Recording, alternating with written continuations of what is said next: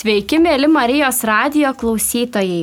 Prie mikrofono aš Gerda Tamajevaitė, o su manimi šiandieną laidoje dalyvauja Giedrė Jankuvėlė, psichologė, Dale Bloznelienė, valstybės vaiko teisų institucijų atestuotas asmuo, bei Kristina Laurinavičinė, kuri taip pat yra valstybės vaiko teisų institucijų atestuotas asmuo. Sveiki.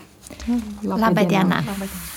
Noris mūsų klausytojams pasakyti, kad būtent šie žmonės dirba įstaigoje pastogė, kurioje gyvena vaikai, kurie neturi tėvų ir jos bendrauja tiek su vaikais, tiek su žmonėmis, kurie nori jau įsivaikinti vaikus. Ir kaip tikriausiai jau mūsų klausytojai suprato, mūsų šios dienos tema yra įvaikinimas ir su tuo susiję tiek moraliniai, tiek ir socialiniai aspektai. Tai visų pirma, norėčiau paklausti jūsų tokio klausimo Kuo svarbi yra įvaikinimo tarnystė? Pats vaikinimas, vaiko paėmimas, kuriam reikia pagalbos, kuris yra netekęs tėvų globos, tai yra pasiruošimas e, priimti tą vaikelį, kad ir koks jisai bus, kokias jisai turi patirtis, iš kur jisai atėjęs, nes e, paimant vaikelį į tėvį nežino koks jisai bus, ne taip kaip savo laukiantis, galvojant, planuojant, koks jisai bus, įsivaizduojant, kad paveldės, o čia na, nieko nežino. Na tai yra tai kaip pritarnystė priimti tą, kuris ateis ir koks jisai ateis. Ir būti pasiryžus jam padėti, nes pagalbos reikia. Taip pat norėtųsi klausti, vis tik mes jau na, esame laisvoje Lietuvoje jau 30 metų, jau šiek tiek virš to 30 metų. Kokie vis tik pokyčiai vyko per šitą laikotarpį? Ar apskritai tų pokyčių buvo ir kaip galbūt pasikeitė požiūris ar ne į visą šitą įvaikinimo tarnystę? Tai iš tikrųjų džiugina pokyčiai, kurie yra šitoje srityje. Tarkim, na, mane labiausiai, kas džiugina, tai tas, kad darosi vis atviresnis kalbėjimas apie įvaikinimą. Ta tema tokia labiau visuomenėje girdima. Šeimos, kurios įsivaikina vaikus, labai jau retai kada slepia tą faktą iš tikrųjų, nes jeigu kalbėti apie laikotarpį prieš 30 metų, tai įvaikinimas buvo baisiai slaptas reiškinys ir ten imdavosi įvairiausių įvairiausių priemonių šeimos, kurios įsivaikindavo vaikus tam, kad išsaugoti tą paslaptį. Ir aišku, tai, tai turėdavo labai sunkių pasiekmių tiek pačiai šeimai, nes laikyti paslaptį yra labai sunku, tiek pačiam vaikui, kada ta paslaptis dažniausiai išaiškėdavo kažkokiu nenumatytu momentu. Tai dabar tikrai matom visai kitą tendenciją, manau, kad tam tikrai tarnauja mūsų mokymai, kuriuos organizuojam, kad na šeimos tikrai ryštas eiti tuo atvirumo keliu ir nežiūrint tam tikrų iššūkių, sunkumų, kurie atsitinka, kada vaikui kyla tie natūralūs klausimai apie jo praeitį, apie sunkumus, dėl ko jisai negyvena su savo biologinė šeima. Tai tokie sunkus klausimai, kuriuos tenka atsakyti, bet na šeima samoningai eina tuo atvirumu atvirumo keliu ir tai tas tikrai labai svarbu ir tas džiugina. Tai tas pokytis yra tikrai labai akivaizdus. Labai džiugu girdėti, kad matome tokį pozityvų žvilgsnį, ar ne, ir galime žiūrėti į visą situaciją pozityviau. Vis tik noriu klausti, o kokie tai yra mokymai, nes aš manau, kad klausytojai galbūt net nežino, kas tai per mokymai yra. Jau nuo 2008 metų Lietuvoje yra organizuojami visiems privalomi visoje Lietuvoje pagal to pačią programą, GIMK programą vedami mokymai globėjams, įtėviams, tai yra šeimoms, kurie rengiasi įsivaikinti arba globoti vaikus. Pagrindinė mokymų dalis sudaro septynios temos, septyni susitikimai. Paprastai jie organizuojami kartą per savaitę trunka iki 3 valandų ir kurių metu stengiamėms kuo daugiau informatyviau suteikti žinios tokios apie vaiką, kuris ateis, kuris su kokiamis problemomis, su kokiais sunkumais gali tekti susidurti. Tiesiog stengiamėms paruošti šeimą, kad tikrai tai nebūtų visiškai nauja ir netikėta, nes kaip ir kolegė Kristina sakė, kad sunkumų kyla įsivaikinus, tapus globėjais, nes vaikai tikrai ateina su savo patirtim.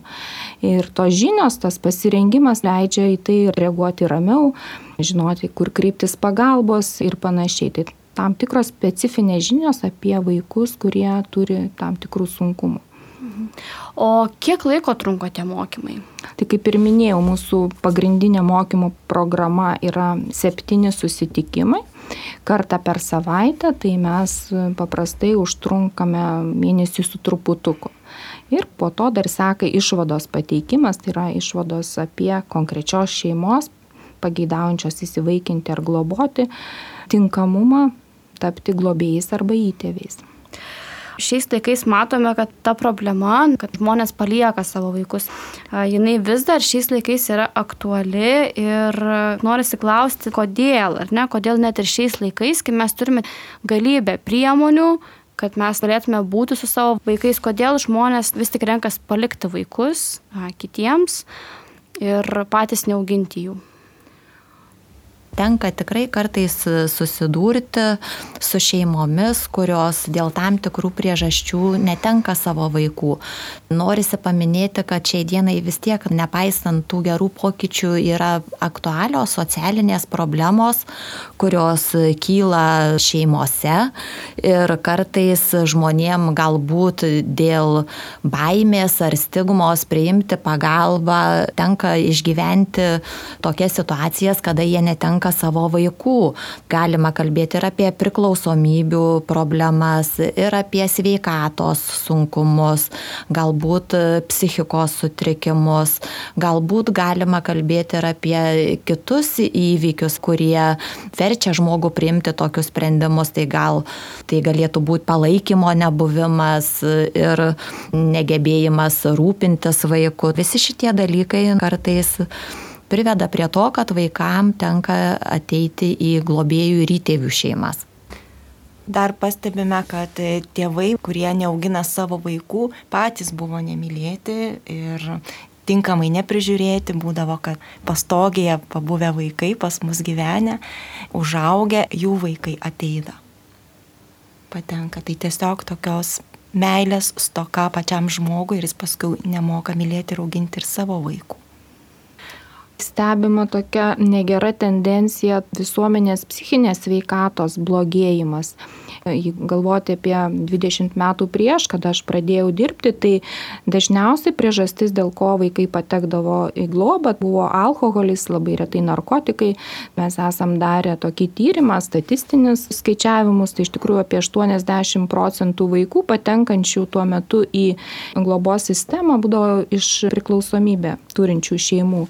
Tačiau dabar labai labai tas santykis keičiasi ir matom, kad labai daug vaikų, tėvų turi vienokių ar kitokių psichinės veikatos problemų. Tai ta tendencija tikrai stebima ir jinai nėra džiuginanti, nėra raminanti. Tai rodo visos mūsų visuomenės sveikatos būsena turėjome ir dabar turime tuos du metus tokius sudėtingus, kai tikriausiai labai žmonėms iškilo poreikis tiek psichologo paslaugų, tiek tikriausiai ir psichiatro kaip paveikė pandemija įsivaikinimo klausimus ir apskritai, ar žmonės daugiau atiduoda vaikus į globą, ar yra daugiau norinčių įsivaikinti, kaip pandemijos situacija paveikė padėtį sunku vertinti iš tikrųjų pandemijos įtaką mat pokyčiams, bet pastaruoju metu pokyčiai vyksta.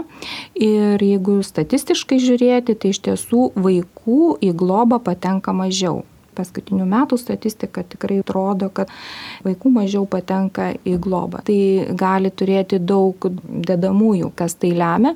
Aišku, tai džiugina, kad vaikų patenka į globą, tai ko gero mūsų visų tikslas, kad vaikai liktų gyventi savo šeimose. Yra pagalba pirmiausia didesnė šeimai susidurinčiom su krize ir dėl to vaikai gali likti šeimose su tėvais. Taip pat dalis vaikų, kurie atsiduria krizėje, yra apgyvendinami šeimose, kurios sieja emociniai ryšiai.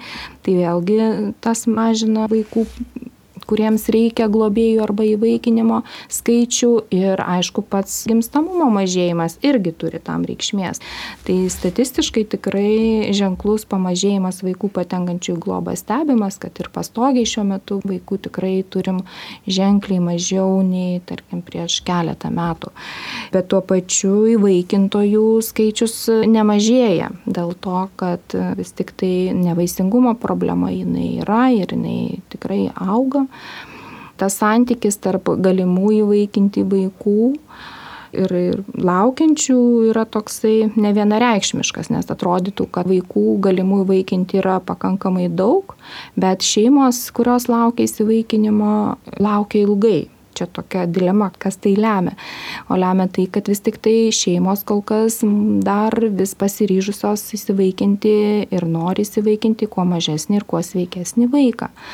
Tokių vaikų na, yra mažai. Dėl to laukia dabar šeimos pakankamai ilgą laiką. Kaip jūs ir pati minėjote, ar ne, yra stebimas psichinių susirgymų padidėjimas. Natūralu, kad ir patys vaikučiai tikriausiai nėra itin sveiki tiek psichiškai, tiek fiziškai tikriausiai, ar ne. O vis tik kas lemia galbūt tą psichinių susirgymų didėjimą, tą kiekį, kas turi tam įtakos? Ar aplinka, ar žmonės, ar kas tai sukuria? Norisi sakyti, kad vaiko psichinė sveikata formuojasi nuo jį supančios aplinkos. Pirmiausia, lemia tie žmonės, kurie yra arčiausiai vaiko. Ir jeigu mama turi, na, sakykime, psichikos problemų, tai panašu, kad vaikas visą tai mato, jaučia, patiria. Tai gali irgi ateityje lemti tam tikrus sunkumus jo raidos. Kita vertus, didelį vaiko vystimuisi poveikį turi ir mokykla mokykla, ir darželis, ir apskritai na, mūsų visų pasaulyje žiūra, kuris yra, šalia ko yra ir kas jį augina. Tai jeigu atsakant į jūsų klausimą, apskritai visa aplinka turi didelį poveikį vaiko formavimuisi, jo psichiniai sveikatai ir jeigu yra kažkokių bėdų, sunkumų, lygų, tai atsiliepia ir vaiko raidai. Ir po to tikriausiai galima matyti, kad tie užaugę vaikai, ar ne, jie vėl, kaip ir sakė jau Kristina, tikriausiai vėl po to palieka savo vaikus, nes jie nematė tikriausiai pavyzdžių, kaip reikia auginti, ar ne, kaip reikia gyventi. Ir tikriausiai turbūt irgi tai turi įtakos, kad na vis tik e, tų pačių vaikų, kurie buvo ant pastogiai ar kituose globos namuose, jų pačių vaikai po to vėl būna palikti. Sakyčiau, kad tai yra daugiau išimtis negu taisyklė. Kartais nutinka taip, kad tikrai vaikai sukuria puikias šeimas ir susitvarko su kylančiais iššūkiais. Šiai dienai yra be galo didelis paslaugų spektras ir yra žinoma, kad vaikai gali išgyventi praeitįje patirtus trauminius įvykius, krizinės situacijas ir sukurti pakankamai pilnavertiškus santykius ir šeimas. Tačiau taip, kartais kartais nutinka taip, jog sisteminis šeimos modelis persiduoda iš kartos į kartą, ko pasiekoji, kartojasi ta istorija ir turbūt mūsų kaip specialistų yra vienas iš, uždavinių, kuo greičiau tą istoriją padėti tam žmogui keisti. Norisi dar grįžti prie žmonių, kurie nori įsivaikinti. Su kokiais iššūkiais susiduria tie, kurie apsisprendžia įvaikinti be globos likusius vaikus? Ko gero, didžiausiai iššūkiai laukia jau įsivaikinus iš tiesų, bet aišku, dalis šeimų, kurios turi nevaisingumo problemų ar kitų dalykų, dėl kurių galvoja apie įvaikinimą, pastebim tokį na, nedrasų ėjimą į tai, nes vis tik tai dar visuomenė yra daug, daug tokių sklandų mitų, kurios sieja baimės ir dėl ko yra nedrasų šeimai apsispręsti. Kaip taisyklė, toks mitas visuomenėje, kad tai yra labai labai sudėtingas, labai sunkus procesas, kad reikia ten begalės dokumentų, patikrų praeiti, labai ilgus mokymus iš išklausyti, kad labai labai tas procesas yra sunkus, sudėtingas ir tiesiog ne viena šeima nenorėdama tuo eiti, tikėdama tuo metu, nesiryšta net pradėti to proceso. Tai dėl to tikrai turim progą tą mitą sklaidyti, kad tas procesas yra tikrai optimalus. Daugelie šalių jis yra ilgesnis, sudėtingesnis nei pas mus Lietuvoje. Tik dabar galbūt kas labiausiai stabdo ir neramina tas ilgas laukimas, kada šeima apsisprendžia, praeina mokymus, gauna išvadą ir turi laukti tokį labai ilgą neapibrieštą laiką ir tas labai vargina. Mes tikrai matom šeimas, kurios pavarksta, nes kada tu lauki ir nežinai, kada tas įvyks, tas labai išsekina, nes negali kažkaip planuoti savo, savo gyvenimo, kažkokių planų turėti, nes bet kada gali sulaukti skambučio, tu lauki, bet to skambučio nėra ir ta įtampa auga. Ir dėl to pastebim, kad kai kurios šeimos pavargę laukti, nusprendžia atsitraukti iš proceso ir, ir palikti tą idėją. Tai galbūt čia šiai dienai yra pats tas didžiausias iššūkis, bet vis tik tai džiugina tos šeimos, kurios apsisprendžia praplėsti savo galimybių ribas, vaiko amžiaus ribas, reikalavimus dėl vaiko sveikatos ir apsisprendžia įsivaikinti vyresnius vaikus, turinčius kažkokių vienokių ar kitokių sveikatos problemų ir su kitų pagalba, su specialistų pagalba tiesiog tam vaikui padėti ir turėti savo šeimą, pilną šeimą, tokią, kokią tikisi turėti. Tai, tai nori įkviesti šeimas galvoti šiek tiek plačiau, matyti tą dabartinę situaciją ir, ir galvoti apie vyresnių vaikų, kurių tikrai yra, kurie, na, statistiškai pasižiūrėjau netgi šiandien, kad, kad būtų naujausi duomenys vaikų, kurie yra nuo 10 iki 17 metų laukia šeimų yra 1398 vaikai gyvenantys institucijoje.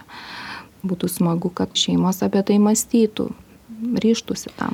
Galbūt šeimos nemato galimybės, kad jos gali turėti kažkokią įtaką tam vaikui ar ne, nes kai vaikas yra mažas, dar, na, visai, taip sakant, besiformuojantis, tik tai gal žmonės mato, kad jie gali padaryti nors minimalią įtaką to vaiko asmenybei, prisidėti prie jo paties augimo, vystimosi, o kai vaikas jau yra 12-13 metų, jisai jau praktiškai susiformavęs yra, ar ne, tiek jo asmenybė, tiek jo įgūdžiai tam tikri, tai galbūt tai yra tas sunkumas, baimė, kad aš nesugebėsiu, aš nemokėsiu galbūt ar ne bendrauti su to vaiku, nes jisai paauglys ir tai savami jau gazina, nes mes tikrai turime visuomeniai daug mitų, kad paauglystė yra labai sudėtingas, baisus laikotarpis, galbūt būsimiem įtėviam yra ta baime, kad jie negebės, nes taip žvelgiant, su mažu vaiku galbūt yra na, lengviau tam tikrą prasme ir e, galima galbūt na, šiek tiek pakreipti į vieną ar į kitą pusę, o paauglį pakreipti labai sudėtinga. Bent jau aš taip galvočiau, ar ne? Tikriausiai taip masto ir, ir daugelis busimų įtėvių.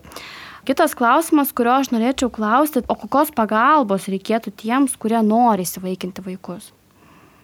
Jeigu kalbėt apie pagalbas ar ne, tai labai yra svarbi ir psichologo pagalba, ir specialistų, kurie dirba su globa, konsultacijos, mokymai įvairūs, seminarai, kurie galbūt praplėstų tą požiūrį ir sugriautų tuos stereotipus ir mitus, kurie yra sukurti visuomenėje apie tai, kad jeigu aš paimsiu į globą paauglį, tai aš tikrai jam poveikio ar įtakos kažkokios nepadarysiu. Kita vertus, na, mūsų visuomenė irgi prisideda prie to, kad labai eskaluoja tą netinkamą paauglių elgesį ir mažai yra dalinamasi tą gerąją patirtim ir geros globos pavyzdžiais. Tai šitoj vietoj, na, vienareikšmiškai taip sakyt, kad tikrai bus sudėtinga auginti paauglį, tai nedrįščiau, bet kad reikės tam tikrų žinių ir specifinių žinių, tai tikrai taip, tai bus. Ir tam yra grupė specialistų komandos, kurios su tais iššūkiais globėjams padeda tvarkytis. Ir tikrai turiu va pavyzdį, kaip į globą atėjo paauglė mergaitė ir globėja turėdama nerimo buvo kreipusis pagalbos dėl to, kad jinai nešneki ir nekalbi, bet jinai suprato, kad mergaitė išgyvena netekti, jinai turėjo žinių specifinių ir gebėjo iš išbūt šalia ir išbūt su tuo netekties skausmu tos paauglės. Ir šiai dienai juodvi sukūrė jau puikų santyki. Tai šitoj vietoj e, gebėjimas priimti pagalbą, bendradarbiauti su specialistais tikrai gali padėti išgyventi tuos paauglystės iššūkius kaip krikščioniškas tikėjimas, vertybės krikščioniškos padeda globoti ir įvaikinti kitų paliktus vaikus pastebime, kad žmonės tikintis, jų vertybės tokios yra tvirtos ir tos vertybės jiems padeda iš dalies lengviau priimti tą vaiko elgesį, įvairius sunkumus, atsiduodant tai tarnystė, kaip sakant, priemant visus tos iššūkius, kuriuos vaikas duoda, nes jie turi e, tikinti žmonės na tokią atspirti savo tikėjime. Bet negalim vienareikšmiškai sakyti, kad tikintis žmonės, tas tvirtas tikėjimas būtinai, būtinai lemia tą sėkmingą globą arba įvaikinimą. Bet e, taip, tas, tą pastebim, kad e, tikėjimas yra atspirtis ir, ir pagalba, palengvinimas pačiam psichologiškai priimti tai, kas vyksta ir kad šeima būtų laiminga. Džiugu girdėti, kad tikėjimas, pasirimimas Dievo kvietimu padėti silpnesniam yra pagalba ir galbūt stimulas, ar ne, įsivaikinti arba globoti vaikelį.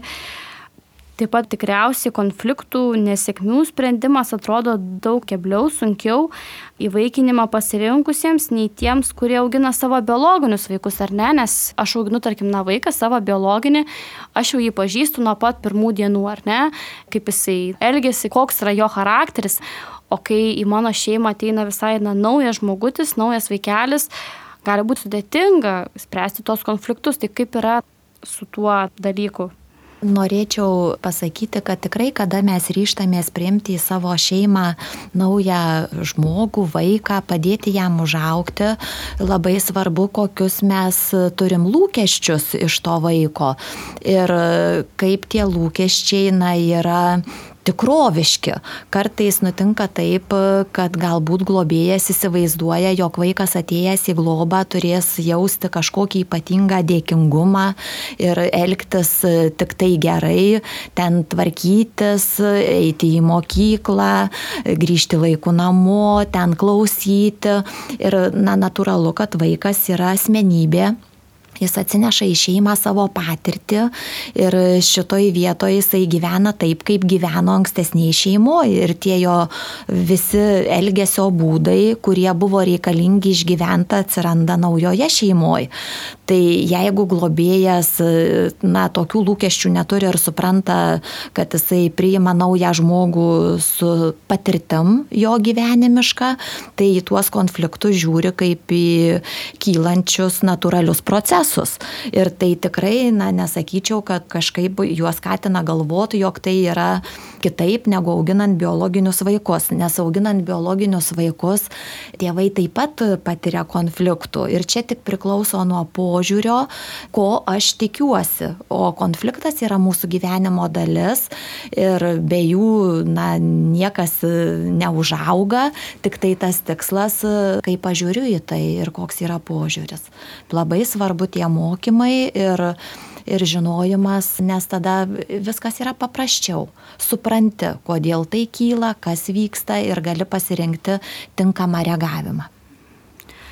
Kaip ir minėjo, jau mums daliai didėjant nevaisingumo problema ar ne, šeimos negali susilaukti vaikų daugėjant nevaisingom šeimoms, kaip būtų galima paskatinti įsivaikinimo arba bent jau globos tradiciją. Skatinti dabar reikėtų vyresnių vaikų įsivaikinimą ar globą, kaip ir sakiau, statistiškai jų tikrai laukia labai daug laukia šeimos, laukia tėvų. Ir kas galėtų skatinti, kas galbūt stabdo, reiktų pagalvoti, kas stabdo žmonės ryštis vyresnio vaiko įvaikinimui ar globai, tai tikrai manau, kad na, bet kokios papildomos paslaugos, papildoma pagalba šeimai, tai galėtų būti na, paskata pradėti apie tai galvoti, nes pakankamai tikrai dar, dar ribota ir rezervuota ta pagalba šeimoms, kurios augina, tarkim, vaikus su negale ir, ir turinčių kažkokių vienokio ar kitokio elgesio, emocijų problemų. Dažnai šeimos pasijunta na, pakankamai vienišos šitoj situacijoj. Ir jeigu tai būtų sukurta tikrai ta bazė, apie tai būtų galvojama ir, ir šeimos turėtų na, didelę paramą, būtų apsuptos įvairiais specialistais, įvairiais centrais, kur, kur tikrai vaikui būtų suteikta pagalba reikiama, aš manau, kad, kad tai tikrai galėtų skatinti, mąstyti šeimas, nes mes girdim iš būsimų įtėvių, sakant, kad tikrai mes nebusim pajėgus padėti, mes galėtumėm galbūt paimti, mes turime meilės pakankamai, bet na žinom, meilės vien tik nepakanka, reikia na, daugiau šiek tiek norint užauginti vaiką turinti, turinti kažkokių tai sunkumų. Čia norėtųsi jau kreiptis į kažkur aukštesnės instancijas, galvoti apie tai, kaip tą daryti, kaip skatinti. Aišku, dabar apie tai tikrai nemažai galvojama, nemažai daroma yra globėjams, jeigu kalbėti, yra keliamos globos išmokos, įtėviams yra suteiktos dviejų metų atostogos įsivaikinus bet kokio amžiaus vaiką, nors dar nedrasiai šeimos tuo naudojasi, nes tai vėlgi kažkiek atsiriamia į finansus, nes du metus išmoka nėra, nėra didelė - 304 eurai tai galbūt tai, tai stabdo kažkiek tai. Bet pagalba turėtų būti didesnė ir tai kažkiek turėtų skatinti. Norisi klausti tokio klausimo, kuris nėra labai na, malonus ir patogus, ar ne? Ar visuomet įvaikinimas yra gera patirtis tiems, kurie sulaukia tos globos, nes kiek man tenka bendrauti su įvaikintais vaikais, jie nebūna labai laimingi tose šeimose, nes yra tekę girdėti, kad na, įtėviai kartais verčia dirbti daug ir sunkiai. Tai kaip yra, ar tenka su to susidurti?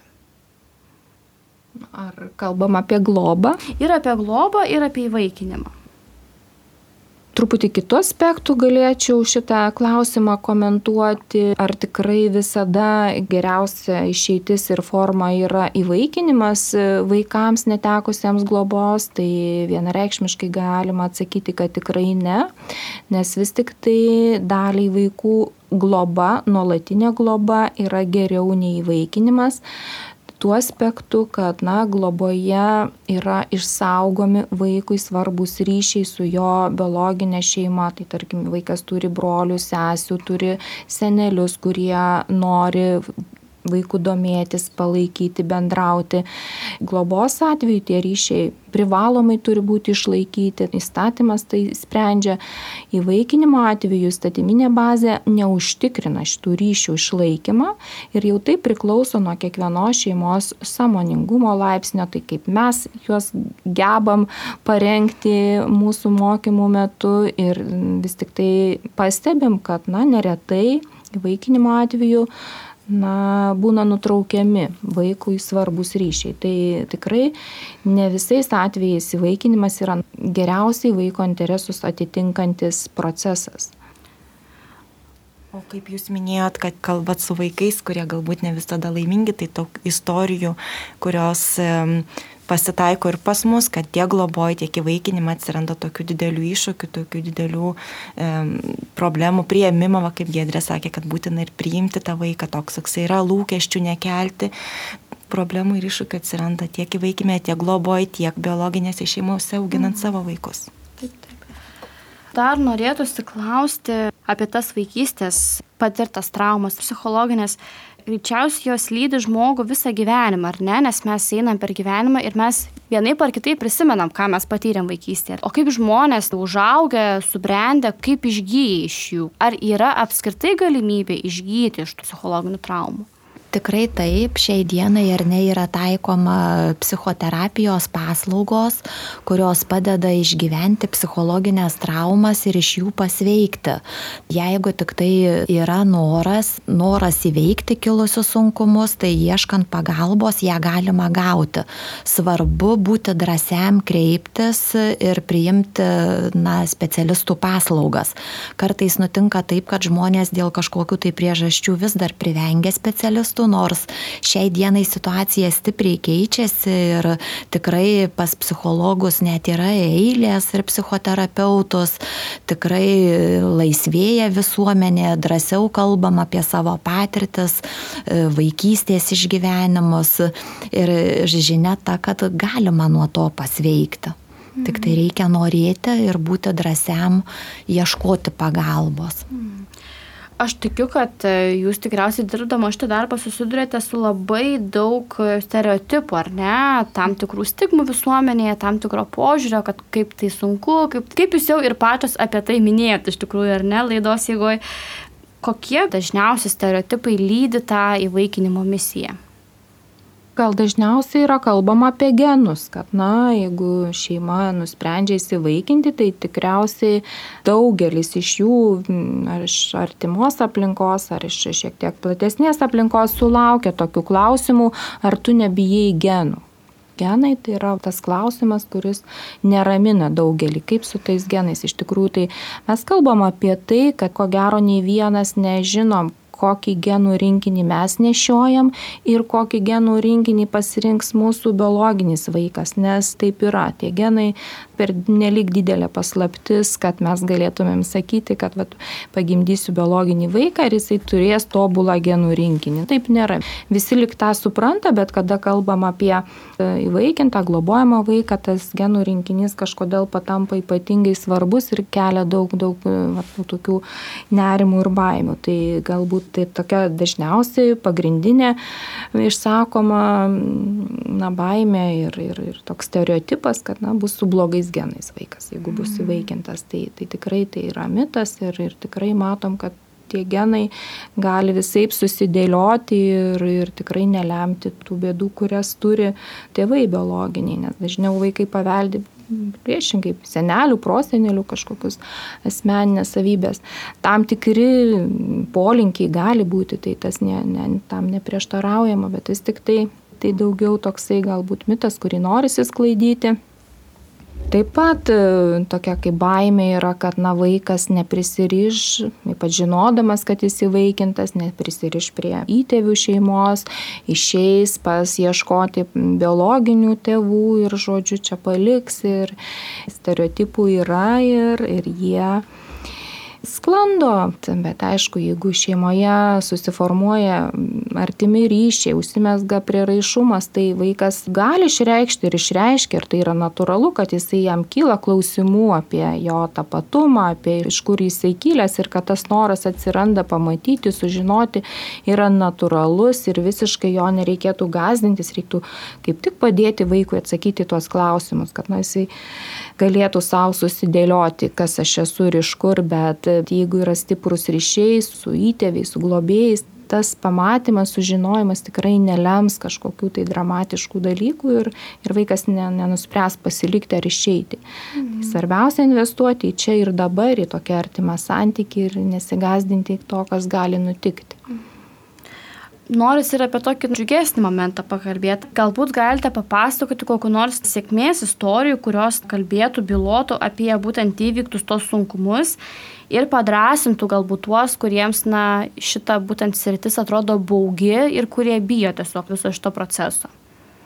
Sėkmės istorijų mes turim be galo daug iš tikrųjų, nes na, ilgą laiką dirbam, tai tikrai, tikrai matom, kaip šeimos atranda vieni kitus ir vaikai, ir, ir tėvai, ir tikrai gyvena labai sėkmingą, tokį pilnavertį šeimos gyvenimą, bet man dabar kažkaip prieš akis viena šeima, kurie įsivaikinę augina tris vaikus Ir tų sunkumų yra nemažai ir, ir su visais vaikais, su visais trim galbūt, bet ta sėkmės istorija galbūt yra tame, kad aš stebiu tą požiūrį šeimos ir kaip ta pati mama sako, kiek man tie vaikai duoda kaip man, kaip asmenybei, kaip mamai, kaip žmogui, sako, aš, na, jeigu palyginant prieš na, tą laikotarpį, kada jų nebuvo, koks aš buvau žmogus ir koks dabar aš esu, tai aš tiesiog, na, va, aš užaugau.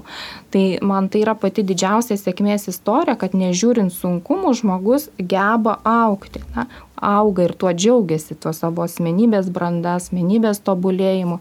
Tai norisi šeimas ir skatinti, kad sunkumai tai nėra blogai, nes tai yra tikrai atveria mums galimybės, atveria galimybę aukti, atrasti save ir pažinti labiau save.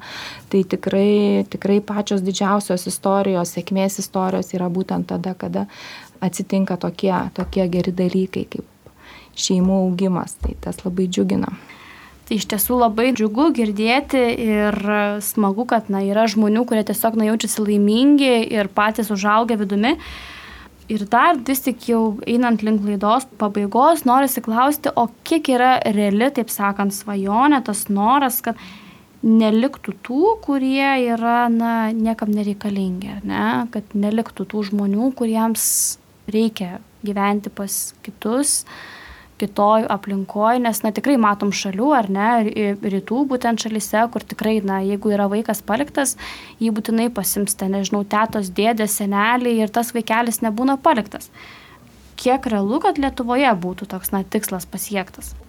galėčiau kalbėti apie tai, kad tikrai pas mus situacija yra gerėjanti ir dalia minėjo, turbūt reikia svajoti, svajoti ir tikėti.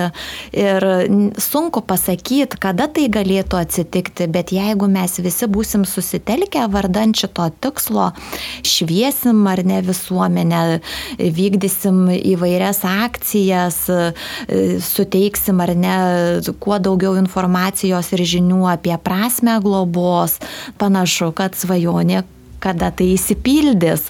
Tai yra labai svarbu tikėti, svajoti ir daryti darbus, kad svajonė taptų realybė, žingsnis po žingsnio link svajonės įsipildymo. Tai taip. Ir jau į visai laidos pabaigą dar norėčiau paklausti, kaip įvaikinimas ir vaikų globa puoselėja tą gyvybės kultūrą ir kaip mes tiesiog negalime įkviesti žmonės saugoti, ranginti tą gyvybę ir auginti iš jos asmenybę labai yra svarbu suvokti, ar ne, kad gyvenime, kada moteris pradeda lauktis vaikelio, vyksta na, tam tikri procesai. Ir tie procesai ne visada yra galbūt tokie, kokių mes tikėtumėmės. Tai yra labai svarbu, kad moteris gautų reikiamą pagalbą reikiamų laiku. Ir yra dabar jau Vilniuje ir krizinio neštumo centrai, ir yra galvojama apie tai, ir yra plečiamos paslaugos paslaugos. Tai galvojant apie tas sudėtingas situacijas, į kurias papuola ar ne moteris ir teikiant jom tą pagalbą, tai taip ir vyksta ar ne su gyvybės kultūros puoselėjimu ir gyvybės įsaugojimu. Tai yra be galo svarbus dalykai, kurie jau yra prasidėję ir vyksta mūsų šalyje. Tai taip plėsti, plėtoti ir, ir puoselėti, ką jau darom. Galvoju, kad esam teisingam keliui. Labai labai noriu padėkoti savo laidos dalyviams. Tai dėkoju Gedri Jankoveniai, Daliai Blaznelieniai bei Kristinai Laurinavičiniai, kurios surado laiko ir atvyko pas mus į studiją pakalbėti šią labai svarbę ir aktualią kiekvienam iš mūsų tema, nes matome, kad yra tų žmonių, tų vaikelių, kuriems reikia būtent tos globos ir įvaikinimo. Ir aš pati nuo savęs kviečiu atsiliepti į visą šitą kvietimą, išgirsti tos žmonės ir prisidėti prie to, kad mes pakeistumėt kitų žmonių gyvenimus ir pripildytume juos meilę, šilumą, jaukumu ir ramybę. Ačiū, kad buvote. Sudie.